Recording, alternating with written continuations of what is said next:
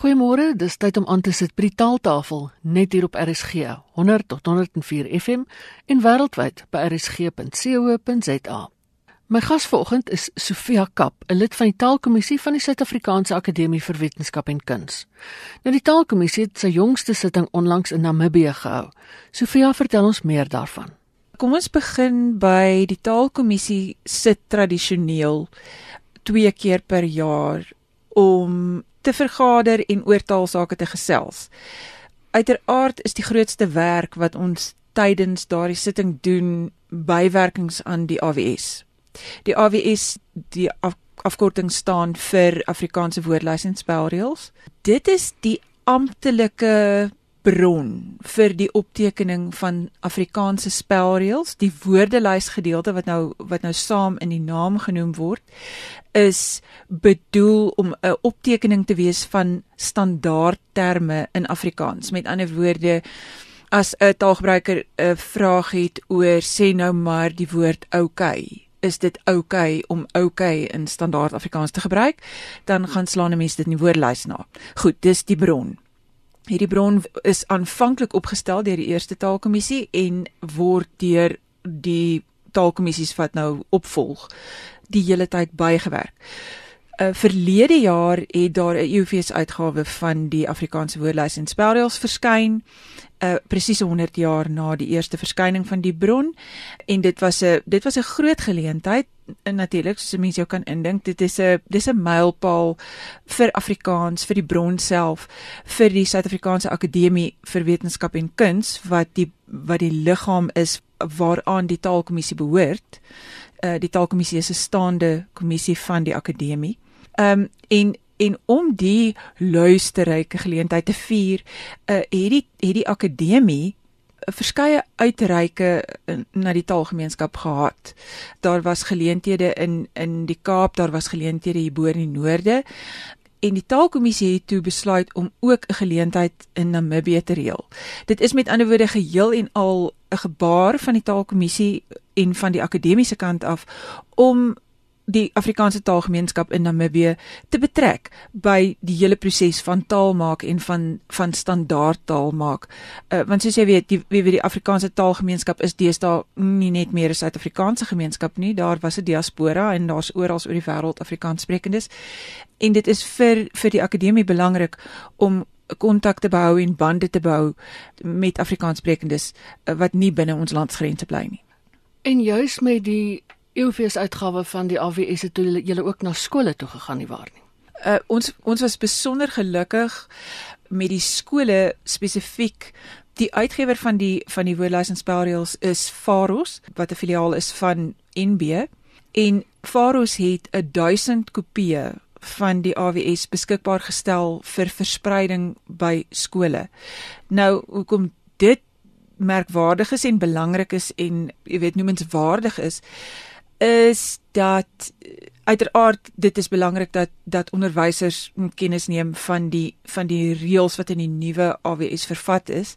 Ons kan nou nou dalk 'n bietjie daaroor gesels, maar vir my die interessante gedeelte van van hierdie hele gebaar is die eerste AWS is geskryf juis as 'n hulpmiddel vir onderwysers. Dit dit is geskep omdat Afrikaans in 1917 ingevoer is as 'n voertaal in skole. Onthou sy lange noof in. Ja, my held. Ehm um, onthou in 1910 toe Suid-Afrika unie geword het, was die amptelike tale van hierdie land Nederlands en Engels, nie Afrikaans nie.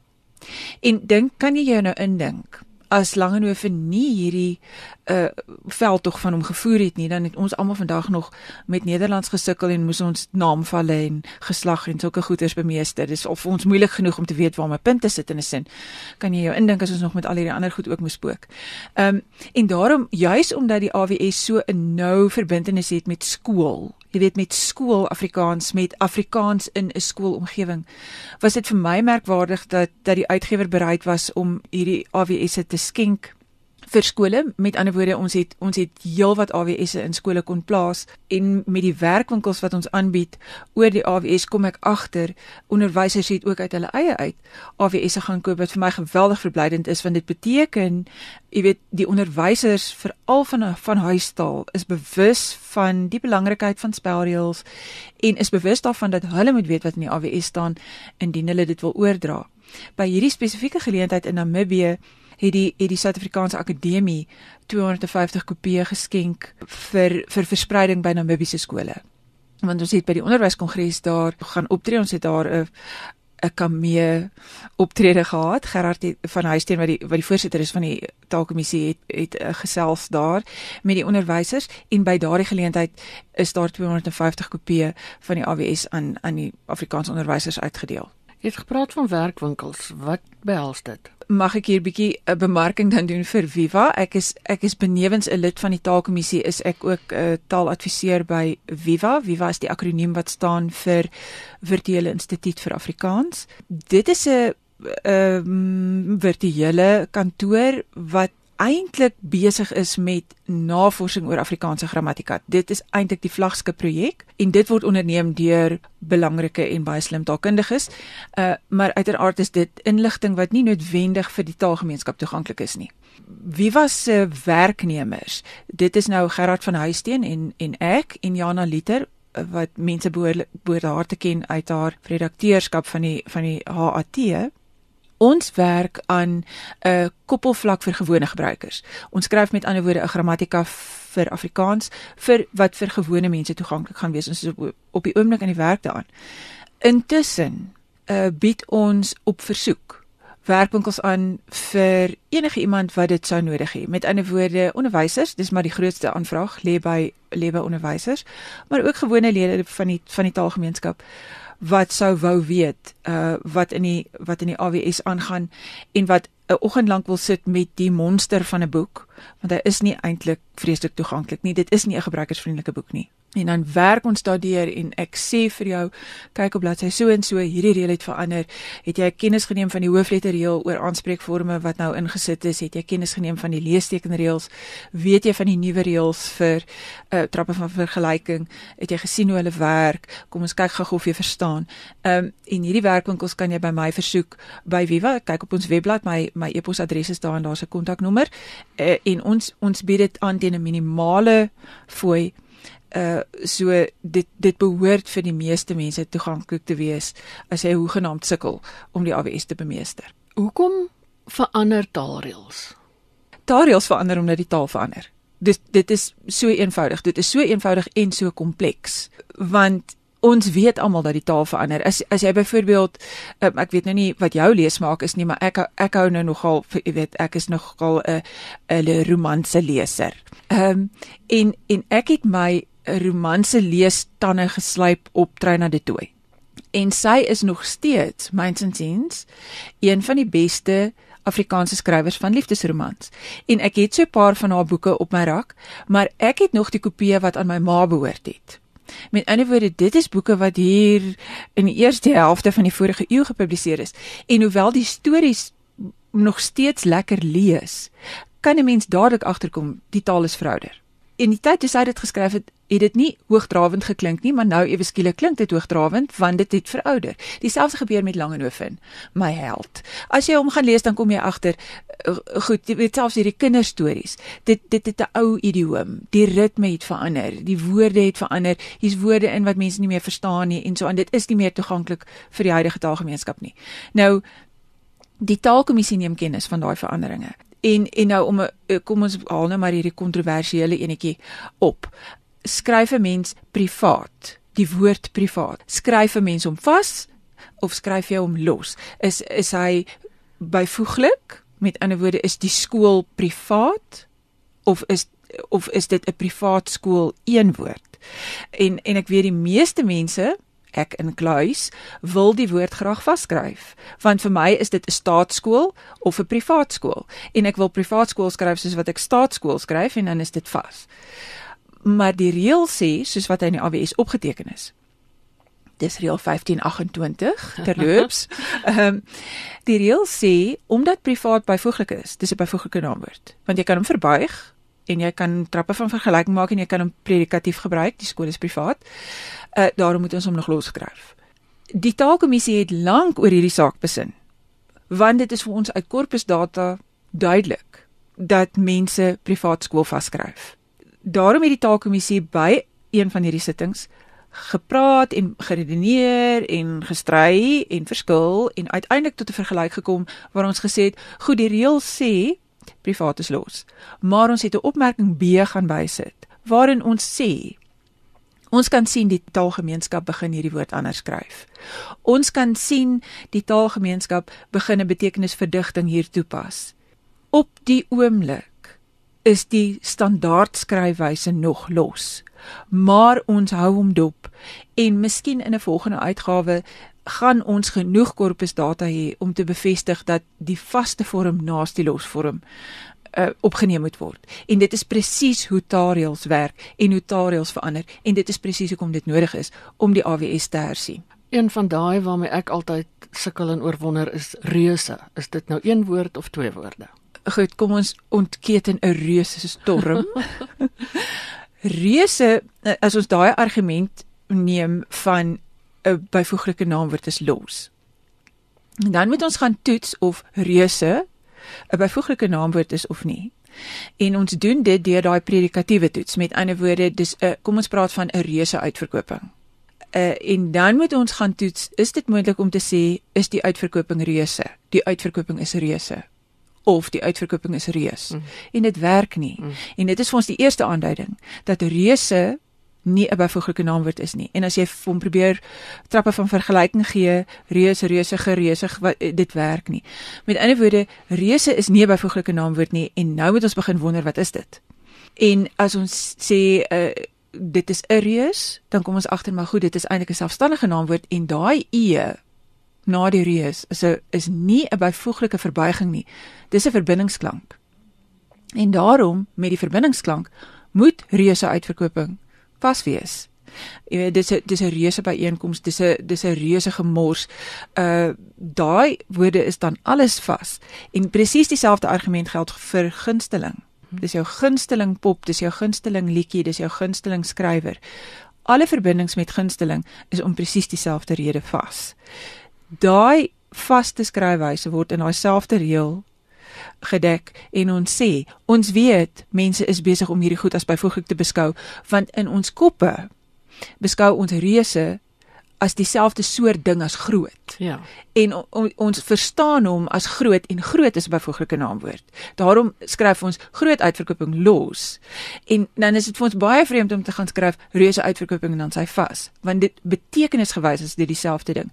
Maar goed, die die die reël het niks te doen met betekenis nie. Die reël het te doen met die woordsoort.